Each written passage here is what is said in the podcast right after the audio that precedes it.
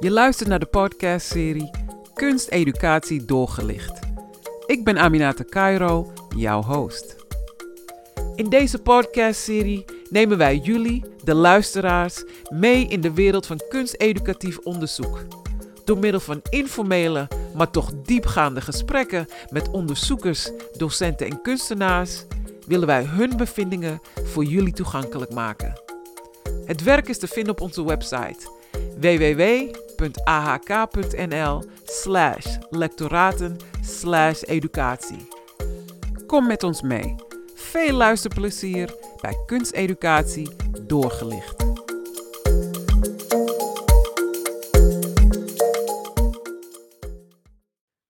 Oké, dus we hebben hier bij ons in de studio Melvin Kroon van de Breitner Academie. En we hebben bij ons ook Wietske Hellinga. Wietske die nu bezig is met haar studie Master Kunsteducatie bij de AHK. Klopt helemaal. Dus uh, welkom, welkom uh, bij ons op zolder. En wij gaan vandaag met jullie praten over uh, jullie ontdekkingsreis in transformatief ja. leren. Ja. En um, we zijn geïnteresseerd in wie jullie zijn. En, en Melvin, ik moet zeggen, toen ik dit las, ik las niet alleen je onderzoek, maar ik las dat je hebt een, je hebt een passie, volgens mij, voor, voor dit transformatief leren. Ja, dat klopt wel. Ik ben erop gekomen naar aanleiding van een paar ervaringen die ik zelf had. En een hele belangrijke was onder andere dat ik mocht samenwerken met uh, uh, Terry Barrett. Dat is een professor kunsteducatie in Ohio. En wat, ik, uh, wat mij opviel, is dat hij dat niet alleen, dat lesgeven wordt vaak op een hele didactische manier geleerd. Ja. Maar bij hem ging dat wat verder. Uh, in die zin dat hij uh, oprecht geïnteresseerd was. Niet alleen uh, met zijn oren luisteren, maar ook met zijn hele lijf. En dat hij dat ook opvatte als een soort persoonlijke inspiratie, een soort persoonlijke groei. Ja. En toen dacht ik, ja, kijk, dat vond ik toch wel heel interessant. Dat ik ook. Maar dat was ook een soort herkenning omdat ik daarvoor het op de middelbare school, de lagere school, altijd op de vrije school heb gezeten. En um, ik dat altijd uh, heel gewoon vond dat docenten dat deden. Ja. Pas in die periode daartussen zie je dat een aantal docenten dat wel doen. En een aantal docenten uh, daar naar hun idee professioneel mee omgingen. En ja, ik kan uh, maar niet wennen aan professionele interesse. Ja. Ik denk altijd, het interesseert je echt of het interesseert je niet. en ik hoop dat ik dat toch altijd met mijn studenten, want ik werk uh, dus aan de Breitner Academie, dat uh, ook heb. En niks menselijks is mij vreemd natuurlijk. Je kan niet altijd 100% erbij zijn. Ja. Maar het is wel een beetje de kurk waarop ik uh, mijn werk doe. Ja, je hebt dus over de ervaring van je jeugd. Neem ik je nog een stapje verder terug. Wie is je moeder, wie is je vader? Oh ja, ja. ja mijn moeder is, uh, is Tineke, Tineke Kronen. En mijn vader is Hans Kronen. Ja. En uh, nou, mijn vader uh, komt ook uit het onderwijs. En mijn moeder was vroeger etaleuze bij de Peken Kloppenburg. En, oh ja, ja, ja. Dus de eerste van Nederland. En nou, dat was... dus die is altijd wel heel creatief geweest. En mijn vader had eigenlijk ook een creatief beroep. Want die stond voordat hij directeur werd van de kappersdagschool, was die uh, kapper in, uh, en ook consulent. Uh, en docent is hij ook geweest. Ja. Dus uh, de appel valt niet ver van de boom. En wat ook wel mee heeft gespeeld in mijn opvoeding, is dat je geen capsodes, het is gewoon hard werken en, en niet anders doen dan je bent. Ja, ja dat authentieke. Wietske. Wie is je moeder, wie is je vader? Wie is mijn moeder en wie is mijn vader? Uh, mijn vader is architect, uh, bouwkundig tekenaar. Um, en mijn moeder die heeft uh, gewerkt in een damesmodezaak. beide creatieve mensen die ons als kinderen ook altijd mee hebben genomen in, in het kijken naar kunst en kijken naar de omgeving. Hoe zie je de wereld? Kijk eens goed, wat zie je nou werkelijk? Ja, dat soort ouders uh, heb ik. Leuk, leuk, leuk. En Wiese, jij was betrokken bij dit onderzoek als docent, klopt dat? Ja, als docent okay. uh, beeldende kunst. Ik geef een onderbouw- en bovenbouwles. En bij Melvin ging het voornamelijk om de bovenbouwlessen, kunstbeeldend, ja. HAVO-VWO. Ja. Oké.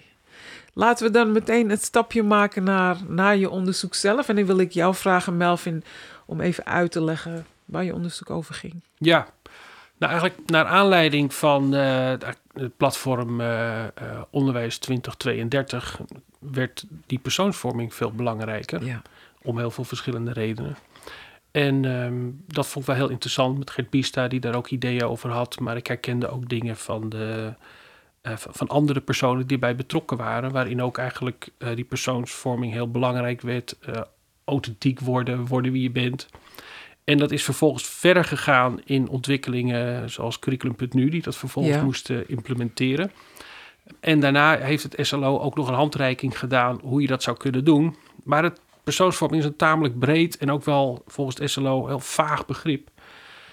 Toen uh, heb ik me aanvankelijk verdiept in wat nou eigenlijk authenticiteit is. Maar het is een heel moeilijk te operationaliseren begrip. Om dat handen en voeten te geven. En dan zeg je, nou ja, authentiek. En, en wat dan? Wat moet je ermee? Ja. Wat, hoe, kun je er, hoe kun je dat vormgeven in de klas? En toen stuitte ik via dat lezen op die theorie van transformatief leren. En ik heb om me heen gevraagd uh, of mensen dat kenden. Uh, maar het was redelijk tamelijk uh, onbekend. Maar het was, zijn dus eigenlijk de leerprocessen om authentiek te worden. En het is altijd een wordingsgeschiedenis, want je bent het nooit helemaal. En het stond ook aan de basis van een advies van de onderwijsraad, Onderwijs vormt, waarin ook direct werd verwezen naar authentiek worden, maar ook volgens uh, Charles Taylor. Uh, nou, ik heb vervolgens dus verdiept in die uh, processen van, uh, van, van transformatief leren. En dat houdt vooral in kritische reflectie. Ja. Niet alleen dat buitenperspectief wat je heel vaak ziet in het onderwijs. Wat moet ik doen en wat moet ik weten. Maar ook waarom. En niet alleen het waarom van buitenaf, wat je docent zegt. Maar ook vanuit een binnenperspectief van waarom vind ik het belangrijk. En hoe geef ik daar invulling aan. Ja. Ik vind het een, een mooi concept, buitenperspectief en binnenperspectief had ik, zo had ik het nog niet gezien. En, maar er is ook een link, en toen ik het las, ik vroeg me af hoe jij daarover dacht, want ik zie er is ook een link, want je persoonsvorming, maar het wordt dus geplaatst onder burgerschap. Ja, en kunst en cultuur. Ook okay. in het leergebied kunst en cultuur. Okay. En uh, het interessante is dus ook dat binnen dat leergebied wo wordt gezegd over leren, maken en betekenis geven. Ja. Dat zijn belangrijke kernen. En ze moeten daar ook leren wie ze zijn, wat ze kunnen, maar ook hoe ze zich verhouden tot de buitenwereld. Ja.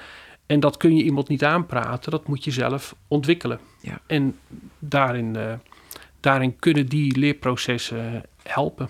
Oké, okay. heel mooi. Wietske, hoe zie jij dat? Je geeft les in beneden- en bovenbouw.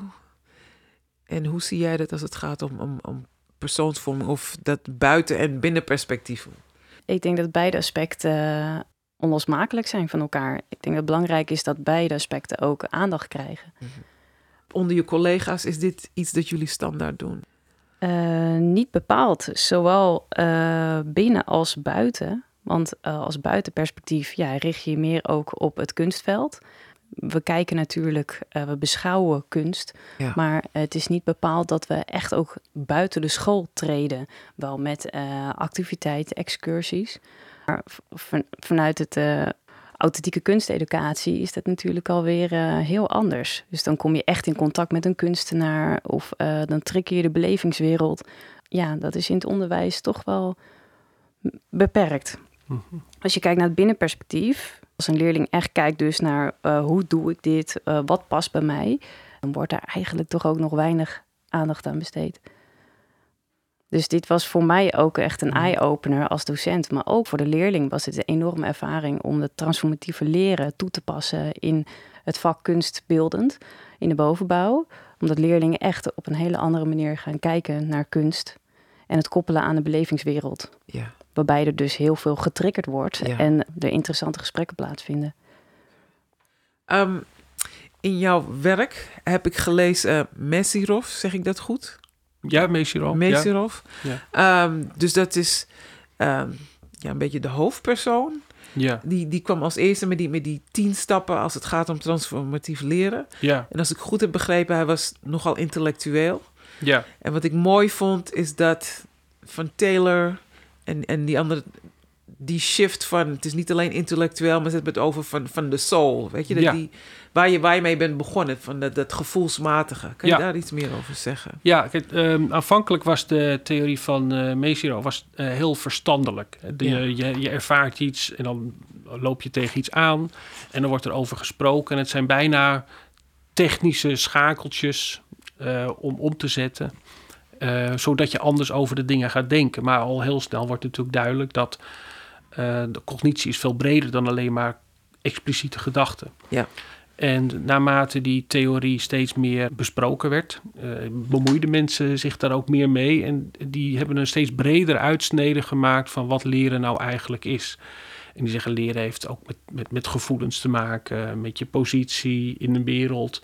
Eh, dus die hebben eigenlijk, is dat steeds breder geworden. Eerst was het eigenlijk het hoopje hersenen, zou je kunnen zeggen. Ja, ja, ja. En later ehm, komen er ook zaken bij als spiritualiteit. Ja. De relatie, eh, je kunt het ook noemen, een soort eh, horizontale transcendentie in de zin, dat klinkt heel zweverig, maar het houdt eigenlijk gewoon in dat je ook anderen tot voorbeeld neemt van je eigen handelen. Ja. Of dat je, dat je anderen ook als inspiratie ziet voor dat handelen en denken en doen. Ja, dan, dan wordt het al een stuk concreter. Bijvoorbeeld waar Wietske het over had, dat andere kunstenaars kunnen wel degelijk het buitenperspectief zijn. Maar dan zou je het eigenlijk eh, zien als een soort eh, voorbeeld. Maar je spiegelt je er ook aan. Je verhoudt je ertoe. En dan wordt het weer het binnenperspectief. In die zin, nadoen van kunstenaars. Dat is op zich natuurlijk. eh, kan ook heel eh, nuttig zijn. Maar je hoopt ook dat het een soort. eh, niet alleen een nieuw venster opent op die nieuwe beroepspraktijk. Maar ook dat het een soort spiegel wordt. van hoe verhoud ik me daar eigenlijk Ja. toe. En waarom doe ik het? Want je kunt wel kunstenaars nadoen vanuit een persoonlijk eh, referentiekader. Maar als je aan kunstenaars zelf vraagt: waarom maak je werk? Dan zeggen vaak kunstenaars omdat het voor hen persoonlijk een bepaalde relevantie en Mhm. betekenis heeft. Dus daar besteedt deze leertheorie ook aandacht aan. Ja, heel mooi. Ik wil je zo meteen even vragen om eh, de stappen uiteen te zetten die je hebt genomen Mhm. eh, in je onderzoek voor de luisteraars. Maar voordat we dat doen, wil ik even aangeven dat eh, op de website van het lectoraat, en dat is www.ahk.nl slash lectoraat en slash educatie. Daar is ehm, Melvin zijn werk te vinden en jullie kunnen het downloaden. Dus tegen de tijd dat dit, dit, eh, jullie, jullie naar dit luisteren, dan eh, is het zeker te lezen. Dus jullie kunnen het zelf ook eh, in zijn werk verdiepen. Dus, sorry, maar ja, geef even aan de, de stappen die je hebt genomen in je onderzoek. Ja, het is eh, een, eigenlijk een ontwerponderzoek Ja. is het geworden. En daar hebben eh, Melissa Bremmer en Emil Heijnen me ook heel goed mee geholpen. Want ik ben van huis uit kunsthistoricus. Ik doe vooral literatuuronderzoek. Ah. En ik vond dit ook heel interessant. Dus het is voor mij ook een leerproces. Ja. ehm, om eh, een ontwerponderzoek te doen. Op verschillende redenen. Het is ehm, ook bruikbaarder voor anderen. Ja, En het is eigenlijk het meest veelzijdig soort onderzoek. Je doet en literatuur en ook veldonderzoek. En je, en je maakt iets. Dat is ook heel Ja. leuk om, eh, om te doen. Nou ja, die eerste fase, dit heet zogenaamde identificatie en analyse. En dan eh, ga je eigenlijk op basis van literatuuronderzoek een model ontwikkelen. Ja. En vervolgens ga je dat ontwerp, eh, ga je dan ook eh, lessen maken. Dus hoe, eh, of verrijken. Het is niet zo dat je dan heel nieuwe lessen alleen maar hoeft op te bouwen. Een docent heeft ook al een referentiekader natuurlijk. Dus je gaat dat eigenlijk nog een keer tegen het licht houden aan de hand van dat model. En er kunnen ook aanpassingen aan komen. En, en de docenten doen mee aan het maken van de lessen. Ja, sterker nog, eh, ik had het model ontwikkeld. En Ja. toen is Wietske ook aan de slag gegaan en heeft eh, de lessen daar eh, eigenlijk mee getransformeerd. Of, ja, Want ze had bijvoorbeeld ook al een thema. En aan de hand van dit model kon ze ook die lessen anders inkleden dan wat, eh, wat, wat, wat, wat voorheen het geval was. oké. En vervolgens hebben we het getest en geëvalueerd. En daar komen natuurlijk dan veranderingen in. Docenten geven mij dan weer eigenlijk hele belangrijke informatie terug. Mhm. eh, ter verbetering van het model. En daar eh, heb ik dan weer mijn voordeel mee gedaan door het model aan te passen. En je zegt, je had al een thema omdat het programma van de school al klaar lag. Ja, dus het thema eh, was conceptueel zelfportret. Uh, waarbij we normaal gesproken verschillende portretten laten zien van diverse kunstenaars, hedendaagse kunstenaars of uh, meer uit het verleden. En uh, die gaan we dan samen analyseren en vervolgens gaan zij onderzoek doen naar zichzelf, naar hun eigen identiteit. En vervolgens maken ze daar dan een beeldend werk van. Okay. Uh, dus dit was een hele geschikte opdracht uh, voor Melvin om deze methode ook toe te passen. Okay. En wat we gedaan hebben, is dus een korte film uh, hebben samen bekeken. En vervolgens zijn we daar in kleine groepjes over in gesprek gegaan. Dus ik heb een paar vragen voorgesteld. En daarmee zijn we tot interessante gespreksvormen gekomen. Waarbij leerlingen een belevingswereld koppelden aan het kunstwerk wat ze hebben bekeken samen. En zijn tot nieuwe inzichten gekomen. Maar het interessante er ook aan is, is dat er best wel beladen gesprekken komen. Ja, ja. Ja, dat was ook naar aanleiding eigenlijk van dat, dat, dat je een gesprek in gesprek gaat met elkaar. Het dialoog is daarin heel belangrijk. Ja. Aan de hand van geladen ervaringen. Dus dat kan uh, het filmpje wat je bijvoorbeeld liet zien, is dan raak. Dat gaat over uh, ouders die uit elkaar zijn. Um, en drie verschillende perspectieven komen daarin naar voren. Mhm. Maar het kan ook uh, uh, een tentoonstelling zijn van subversieve kunst of het bezoek van, uh, van een, een, een, spreker met een interessant levensverhaal. Ja. Of kunstenaar natuurlijk zelf. Ja. of naar een kunstenaar toe gaan. En aan de hand van die ervaring, daar ga je dan op reflecteren. Het is uiteindelijk echt de bedoeling dat je niet al vragen voor, tijdens en na die ervaring gaat stellen, maar dat die leerlingen dat ook op een eigen manier ervaren en daar ook betekenis proberen te geven. En vervolgens ga je dan op die denkbeelden en die reacties, daar ga je dan mee aan de slag. Uh, daar, daar ga je dan kritisch op reflecteren. En daar zijn drie perspectieven op. Van wat heb je gezien of wat heb je gehoord. Dat zijn de wat-vragen, dat gaat over de inhoud. Tweede is, zijn de, de, de hoe-vragen eigenlijk. Dat gaat over het proces. Dat reflecteert met name op probleemoplossende strategieën. Hoe ga je ermee om? Wat heb je gemist? En de derde is eigenlijk, en dat is het belangrijkste... en dat, dat is dat grootste verschil... dat is het waarom. Ja. Dus de motivatie. En dan komt dat binnenperspectief natuurlijk nog, sterk, uh, nog sterker in naar voren. Hoe kan het eigenlijk? Waarom zie ik dit toch heel anders dan, nou ja, zoals jij het zou kunnen zien? Hebben wij verschillende dingen, halen we eruit. En, en dan zie, krijg je dus ook zicht feitelijk op het referentiekader van mijn gesprekspartner en die gesprekspartner ook op dat van mij. Mhm. En op die manier probeer je eigenlijk die betekenishorizon bij te kleuren. En nou ja, een beter begrip te krijgen van elkaar, van jezelf, maar ook van de buitenwereld. Dat is het echt in een, in een nutshell. Ja. En als ik het goed begrijp, in, uh, bij Messerov, dat, dat, dat er wordt gevraagd om thema's aan te halen die ook dingen los kunnen maken. Ja. Die ook een beetje chockerend of, of, of uh, Ja. los kunnen maken. Dus jij had het al over veiligheid. Ja, En bij mij ging ook meteen een rode vlag van... oké, ja, dat ja, dingen losmaken, daar moet je best wel voorzichtig mee zijn. En hoe, ja. dat gaf je al aan. Hoe heb je dat ervaren? Nou, om eerlijk te zijn, had ik van tevoren niet verwacht dat het best wel veel los zou kunnen maken bij leerlingen. Ja. En ik uh, schrok er ook wel een beetje van. Een veilig leerklimaat is daarbij wel heel erg van belang. Van tevoren heb ik dus wel rekening mee gehouden dat het belangrijk is om uh, kleine groepjes te vormen. Dus dan zou je het bijvoorbeeld zo kunnen doen dat de helft van de klas uh, doorgaat met het werken aan een opdracht. Of je geeft ze alvast een verdiepende opdracht. En de helft van de klas, daar doe je dan die oefening mee. Uit mijn ervaring merkte ik dat leerlingen ja, met hele uh, verrassende verhalen kwamen en zich echt uh, openstelden naar mij. Ja, en dan is de vraag van wat doe je daarmee? Ja. Tijd en ruimte uh, zijn daarin heel erg belangrijk. Voordat wij het filmpje gingen kijken, uh, zouden de leerlingen één woord. Nee, ik zeg het verkeerd. We zouden het filmpje gaan kijken.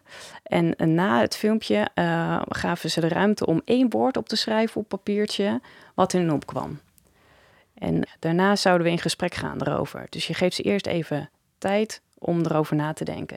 Het is natuurlijk ook best wel logisch dat als je uh, een vrij lastige vraag stelt, dat je niet meteen met een antwoord kunt komen. Ja. En vooral als het gaat over je belevingswereld of uh, hè, de associaties die jij hebt bij een kunstwerk, ja, dan kom, kan je niet in één keer met een antwoord komen.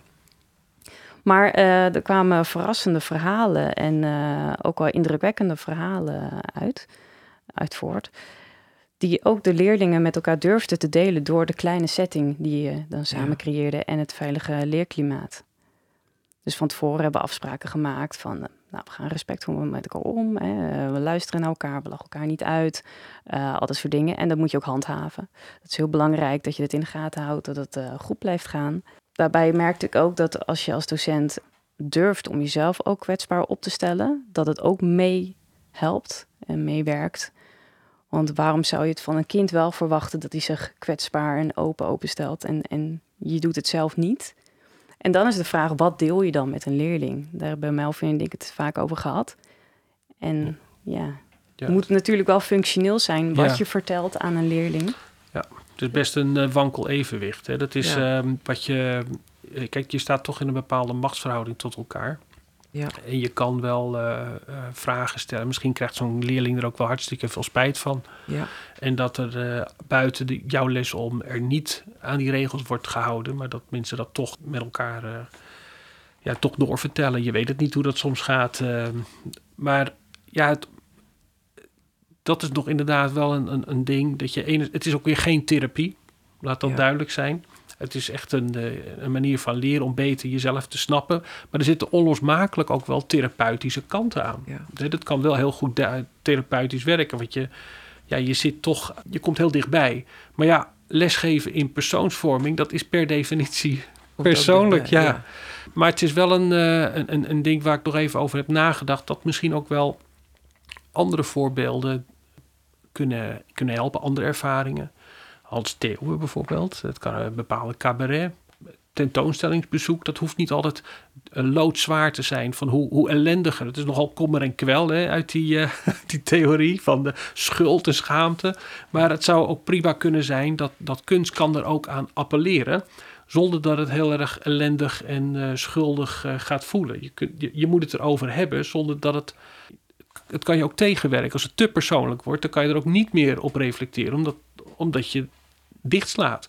Ja. Dus dat is, een, dat, is een, dat is een interessant vraagstuk van wat is de nabijheid, wat is de afstand, wat is je rol en wat is op dat moment ook wel eens belangrijk om te doen. En jij zei al, Wietske, van soms moet je het ook wel klein houden. Hè, dat, dat, ehm, Ja. Want je bent als docent natuurlijk ook geen therapeut, laten we wel zeggen. Ja, en, en de reden om, om, dat ik vraag is omdat ik therapeut ben, of was. Weet je, maar ik vraag me af, soms onderschatten mensen, eh, docenten, wat je, wat je los kan maken en wat je naar boven kan halen. En, en wat dan? Net wat je zegt, weet je, als het opeens eh, een bepaalde richting op gaat. Ehm, want vaak zijn we zo gericht op de inhoud en houden geen rekening met eh, de dingen die we losgooien. En, ik, en, en niet alleen in Amsterdam, maar ik bedoel, we hebben kinderen met zeer traumatische weet je, ervaringen, Ja. verhalen die ze met zich meedragen. En als je dat losmaakt, en dan stuur je ze lekker naar huis. Ja, En, en wat is het gevaar als je dat losmaakt? Ja, Want over het algemeen is er weinig ruimte voor het sociaal-emotionele vlak van een leerling. Wanneer kan een leerling echt vertellen hoe die zich werkelijk voelt en dat een plek geven binnen de school? En, waar, en, en- en het kunstvak is natuurlijk een prachtig Ja, middel ja. om daar iets mee te kunnen doen. Dus het zou ook bijna zonde zijn als je dat dus niet doet. ja. Maar de vraag is inderdaad, in hoeverre doe je dat? ja, en kan je het goed opvangen? Absoluut. Weet je, ja. dat is het. Want als je iemand hebt die daar geen begrip voor heeft, of nou, dan doe je meer schade aan eh, dan dat je helpt. Dus, maar helemaal, ja, kunst is een hele mooie manier. En dus bij dit onderwerp, want ik dacht dat je hebt die verdiepende gesprekken, die dialoog, maar daarna gaan ze toch ook creëren? Ze Toch? gaan daarna daar inderdaad, ja, dat, Ja. het is een onderdeel van het onderzoek dat ze Ja. doen naar identiteit. Eh, en vervolgens eh, nemen ze dat mee in een beeldend onderzoek. Oké. Ja, klopt. Dat, het is in die zin ook dat je probeert dat, dat referentiekader eh, te verdiepen, te verbreden, te veranderen. Dat, dus dat, dat kan je niet als docent doen, maar je maakt de kans zo groot mogelijk dat Ja. het gebeurt. En die, die toegenomen plex- complexiteit, dat rijkere begrip, ja, dat zou dus eigenlijk ook bevorderlijk moeten zijn voor de beeldende kwaliteit. En als we kijken naar eh, je, hebt de, nou, je hebt dingen geleerd over, over dit onderzoek. Wat heb je geleerd? Wat heb je gezien in je studenten die dit hebben gedaan? Ja, je, je bent je natuurlijk van bewust uh, als docent van een groep leerlingen dat ze allemaal een eigen leven hebben. Dat ze veel al hebben ervaren van het leven. Dat ze allemaal een pijn hebben, uh, ervaringen. Maar wat zij op tafel legde, vond ik wel heel erg verrassend. En ook dat, dat zij zich zo open durfde te stellen naar mij. Ik heb in ieder geval een open houding uh, heel erg gewaardeerd. En ik denk wel dat de situatie, de klassensituatie er heel erg naar moet staan. Uh, je kan dit namelijk niet altijd toepassen, deze methode. Mochten ze net een PTA hebben gehad, mochten ze een drukke week achter de rug hebben. Leg even uit voor de mensen thuis, wat is een PTA? Ja, dat is een, een, toetsing die ze hebben in de bovenbouw. En dat is een onderdeel uiteindelijk van een uh, eindexamencijfer. Okay. Dus uh, leerlingen staan best wel uh, onder druk natuurlijk door school. ze moeten best wel presteren. En dan komen ze bij het kunstvak. Ja, en dan speelt er soms nog van alles op de achtergrond. En vervolgens, ja, ik heb in ieder geval van de leerlingen geleerd dat ze, dat zich heel erg open hebben gesteld naar mij. En dat ik dat dus zelf ook zou kunnen doen tot in zekere mate. Uh, want ik denk niet dat alle klassen uh, zich zo open durven op te stellen. Dus ik heb heel geluk gehad met mijn klas. Ja. En ik heb ook wel geleerd dus dat uh, iedere leerling echt een, best wel heel veel meemaakt op, op de achtergrond. en, en dat we daar ook zeker rekening mee mogen houden als docent. Mooi. Ja, ja het is dat, dat leerlingen vaak, en dat nogmaals, dat hoeft niet alleen maar over kommer en kwel te gaan hoor. Maar het is wel zo dat, dat je vaak worden leerlingen toch ook uh, als een soort tabula rasa benaderd. Ja. Terwijl het gewoon uh, hele interessante bronnen zijn voor een beeldend werk. En dat je het daarover wil hebben. Nou ja, ik bedoel, dat stimuleert natuurlijk ook enorm. Ja, ik bedoel, Wietske doet dat geweldig. Ik bedoel, die heeft al, die openheid komt natuurlijk niet, dat ligt niet aan het weer. Ik bedoel, dat ligt natuurlijk ook voor een belangrijk deel aan de manier hoe Wietske met, uh, met, met haar leerlingen omgaat. En dat, ja, dat, dat is heel verschillend. Dat, het is, uh, je kan het denk ik ook, en dat is denk ik ook wat ik van die Barrett heb geleerd. Die man die ging daar echt heel open en geïnteresseerd in en die kreeg dat terug. Ja.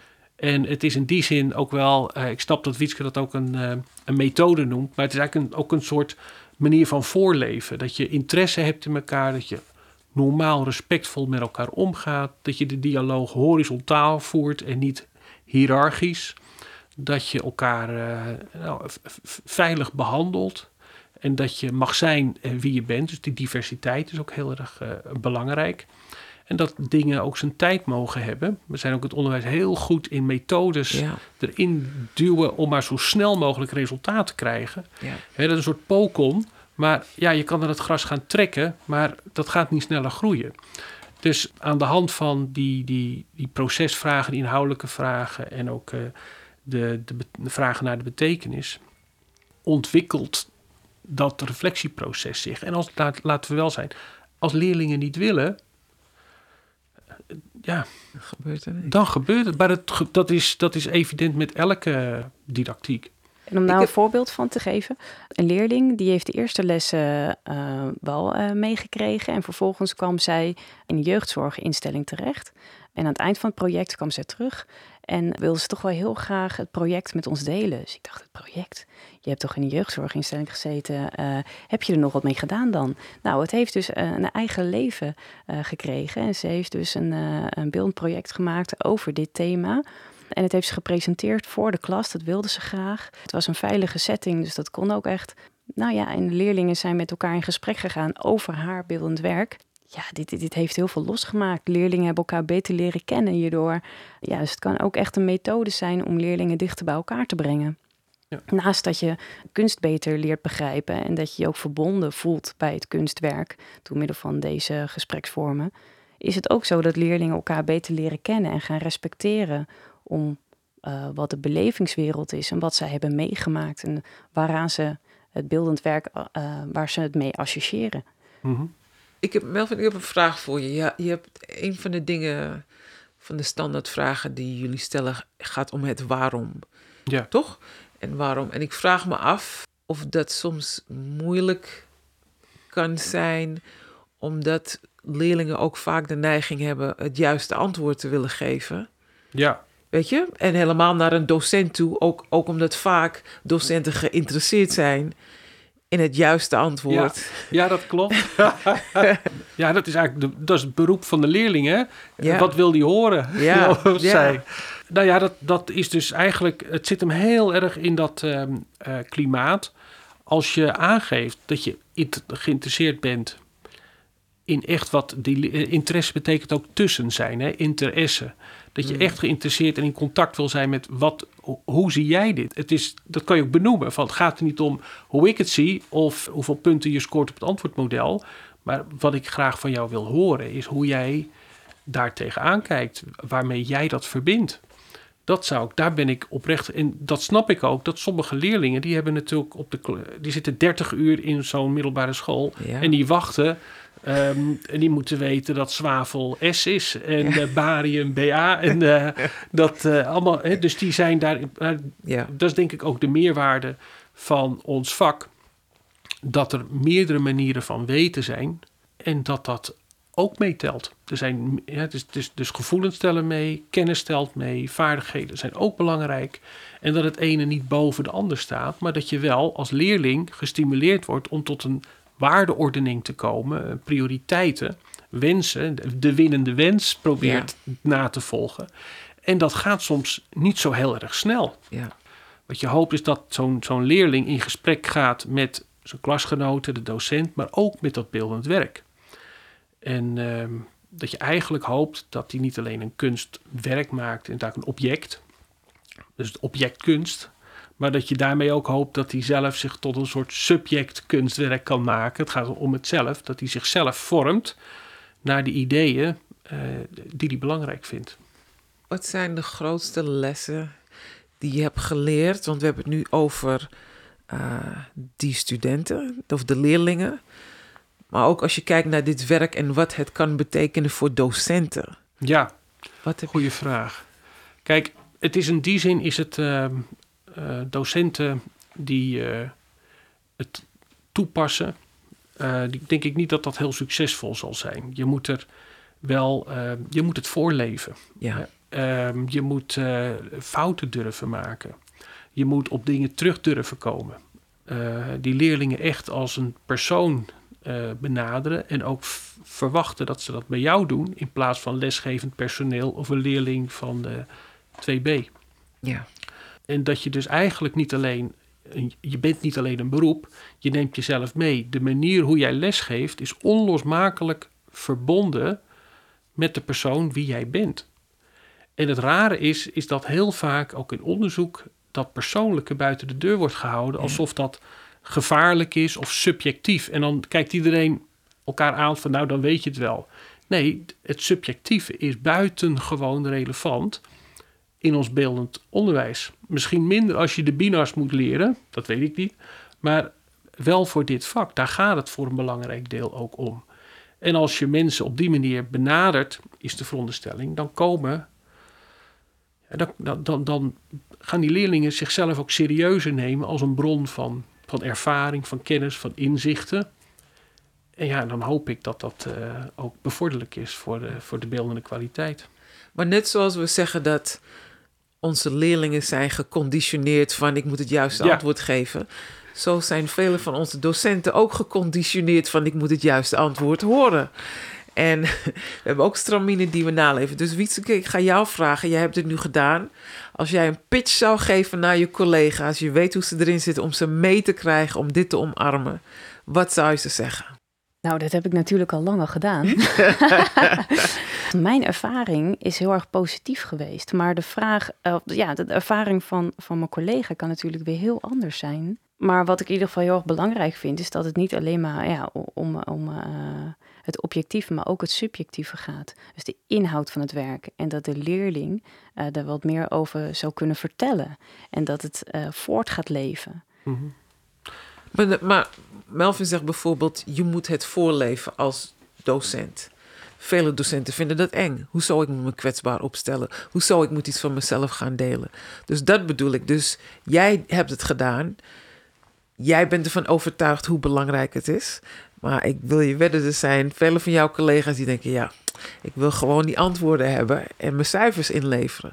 Dus wat zeg je tegen zo iemand om dit Ja. te omarmen?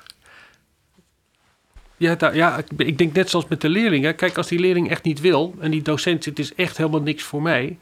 Ja, dan krijgt twee dingen. Ja, dan moet hij het ook niet gaan doen. Laten we, ik bedoel, eh, het is één ding. Tweede is, dan krijgt hij het zwaar of zij. Want dat gaat wel een belangrijke rol spelen in het onderwijs van morgen. Juist. En dan, eh, ja, dan ben ik heel benieuwd eh, hoe dat gaat. Maar ja, je kan niemand daartoe dwingen. Maar, maar het gaat niet om dwingen. Soms is het een paar woorden of een paar zinnen dat iemand denkt... Hmm, ja, ik zie jullie nu als ambassadeurs. ja, ja. dus ja. ik vraag jullie wat. Hoe ga je je ambassadeurschap uitleven Ja. zodat je andere mensen kan aanraken? En op zijn minst geen. Weet je wat? Ik, ik wil hier toch wat meer over weten. Ze hoeven niet meteen erin te duiken, maar op zijn minst een beetje hiervoor open te staan. Je moet aan de gang met je professionele ontwikkeling, waar die persoonlijkheid een onlosmakelijk onderdeel van uitmaakt. Dus als je cursussen krijgt die eigenlijk alleen maar gaan over het wat en het hoe, dan is dat eigenlijk onvoldoende om fundamenteel echt goed je onderwijs te verbeteren. We kennen allemaal wel die reflectiecirkels van Kolb, en, eh, maar dat blijft allemaal heel erg van buiten. Maar vergeet niet, je, als docent belichaam en beziel je je vak. Die leerlingen zien wat het ook jou, wat het jou betekent. En hoe jij daar vorm en inhoud aan geeft. En ik denk ook dat heel veel leerlingen eh, kijken naar die docent van wil ik ook zo worden. Niet alleen dat vak, maar die personen, daar relateren ze zich eh, aan. Of jij dat nou wil of niet, of jij nou alleen maar dat, dat... En als je het voorbeeld wil geven dat het alleen maar om goede antwoorden gaat van anderen... Daar doe, ik, daar, daar doe ik het niet voor. Ja, nee, maar, maar dank je wel. Dat, dat is duidelijk. En ook want net, weet je, en je zegt het heel mooi, weet je, de leerlingen kijken naar je. En soms is het van, oh, ik wil ook zo zijn. Maar je collega's kijken ook naar jou. Ja. Weet je, dus Ja. weet je, vaak zijn mensen van, ja, hoe bereik ik de mensen die, weet je, die niet geïnteresseerd zijn? Mensen, Ja. ze zijn misschien niet geïnteresseerd, maar ze kijken wel en ze luisteren wel. Ja. Dus daarom, weet je, hoe je erover praat tijdens de lunch, in, in de, Ja. weet je, gewoon, weet je, weet je wat ik heb ervaren? En, en, en eh, want Ja. voor sommige mensen is het een grote stap. om- Ja. ja, en ik heb zelf als iemand bij mij komt pitchen. Ik weet niet hoe het bij jou vergaat. En dan denk ik altijd, dat zullen we nog wel eens zien. en dat, eh, dat geloof ik dan niet. Ja. Maar ook in, in dit geval, mensen die hier bedenkingen bij hebben, die hebben soms ook hartstikke gelijk. Dat klinkt misschien vreemd, maar ik moet me ook op mijn beurt verplaatsen in de context van die docent. En de manier hoe hij of zij daar invulling aan geeft, daar moet ik van kunnen leren. Je had het over een vervolg. Ja, Wat heb je in gedachten voor je vervolg? Nou, wat ik heel graag zou willen, ik heb dat model aangepast. Ja. En ik zou graag kijken of dat beter communiceert dan dat eerste model. En ik zou ook heel graag wat meer inzicht willen hebben in waarom docenten bepaalde beslissingen nemen on the spot. Het heet de zogenaamde phronesis. En iemand kan, neemt, eh, geeft die relatie met die leerling eigenlijk vorm. Ja. En die beslist bepaalde dingen op dat moment, heel situationeel. Dat kun je van tevoren vaak helemaal niet bepalen hoe je dat gaat doen. En het lijkt me toch heel interessant om even ja, om dat te onderzoeken. Om eigenlijk het handelen in de situatie zelf nog wat nader te willen bekijken. En ik zou ook heel graag willen kijken of de voorbeelden met wat minder kommer en kwel zouden kunnen. Eh, Ja. Met wat lichtere voorbeelden, maar die wel appelleren aan complexe persoonlijke thema's. Ja. Oké. En tot slot, ehm, nou, je hebt al wat dingen aangehaald. Eh, ik vraag altijd van, hoe zie je inclusiviteit in, in dit werk? Nou, die transformatieve leerprocessen ehm, bouwen eigenlijk, eh, zi- zijn onlosmakelijk ook verbonden met authentiek worden. Dat, dat betekent dat je enerzijds op zoek gaat naar de waarheid over jezelf, Ja. maar je bent pas, het, er is pas een ik in, in als er een wij is. Dus, in rela dus die waarheid over jezelf construeer je in relatie tot de gemeenschap waartoe je je verhoudt en ook gevormd bent en waaraan je je spiegelt. En daarin komt die diversiteit, ja, die, die zit daarin. Ja. Ik ben degene die ik ben in het verschil, maar ook in de overeenkomst tot jou. En dat is onder andere die, eh, die Charles Taylor die dat, eh, heeft uh, uh, ja, bedacht, een filosoof. Maar daar gaat dit een beetje van uit. Dus die diversiteit is iets, dat heb je keihard nodig om te worden wie je bent. Want hoe weet je wie je bent als je de verschillende overeenkomsten met de gemeenschap die jou hebben gevormd in hun geschiedenis en hun normen en waarden. Ja, dus dat, uh, dat, dat, daar gaat het over. Wieske. Nou, in praktijk heb ik wel ervaren dat uh, een leerling ook met een associatie kwam uh, rondom discriminatie. Dat durfde ze niet in de groep te delen, wat ik ook heel goed begrijp. Dus ze kwam apart naar me toe en ze deelde haar ervaring met discriminatie. Uh, vrij pittig verhaal, waar ik zelf ook al van schrok dat dat dus werkelijk uh, plaatsvond of vindt in de omgeving. Maar zo zie je maar dat zo'n kunstwerk uh, zoiets los kan maken en dat een kind dus de korte film die wij Mhm. samen hebben bekeken ook kon associëren dus met discriminatie.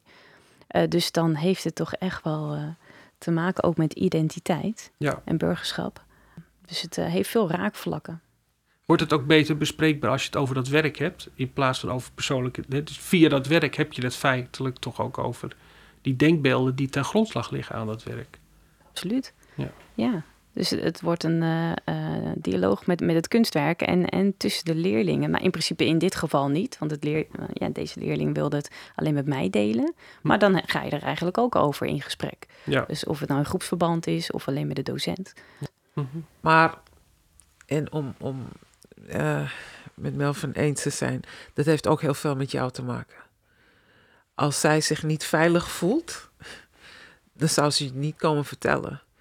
Want ze voelde zich niet veilig genoeg om het met die anderen te delen, maar wel met jou. Dus het zegt iets over het klimaat dat je hebt gecreëerd uh, in de klas. Mhm. En, um, en dat was daarom ook een lastige vraag die je net stelde van... zou je dit aanraden aan je collega's? Ja, ik zou dit aanraden, want dit geeft gewoon veel meer betekenis... aan uh, het werk wat de leerling zelf maakt. Dus leerlingen gaan veel meer de diepte in... maar ook met het bekijken van kunst. Dus de associaties die een kind heeft... en echt het koppelen aan de eigen belevingswereld. Maar zou je dat een collega laten doen? Ja, uh, maar wel onder bepaalde voorwaarden. Yes. Dus uh, ik denk dat een docent ze goed moet voorbereiden op zo'n les. Even moet anticiperen uh, of even moet nagaan wat, wat is de situatie van de klas. Vraag even aan de klas, uh, hoe was jullie dag, hoe gaat het met jullie? En dan pas ja. Ja, deze methode weet ja. toe te passen. Nog even terugkomend op je vraag van, uh, van diversiteit. Het wordt ook vaak uh, in, de, in de publiciteit versmald tot een cultureel mm -hmm. uh, of, of, of, tot een bepaalde kleur. En identiteit, dat wordt daar mede door bepaald. Maar er kunnen ook hele andere aspecten naar voren komen die die de identiteit op dat moment ook kenmerken.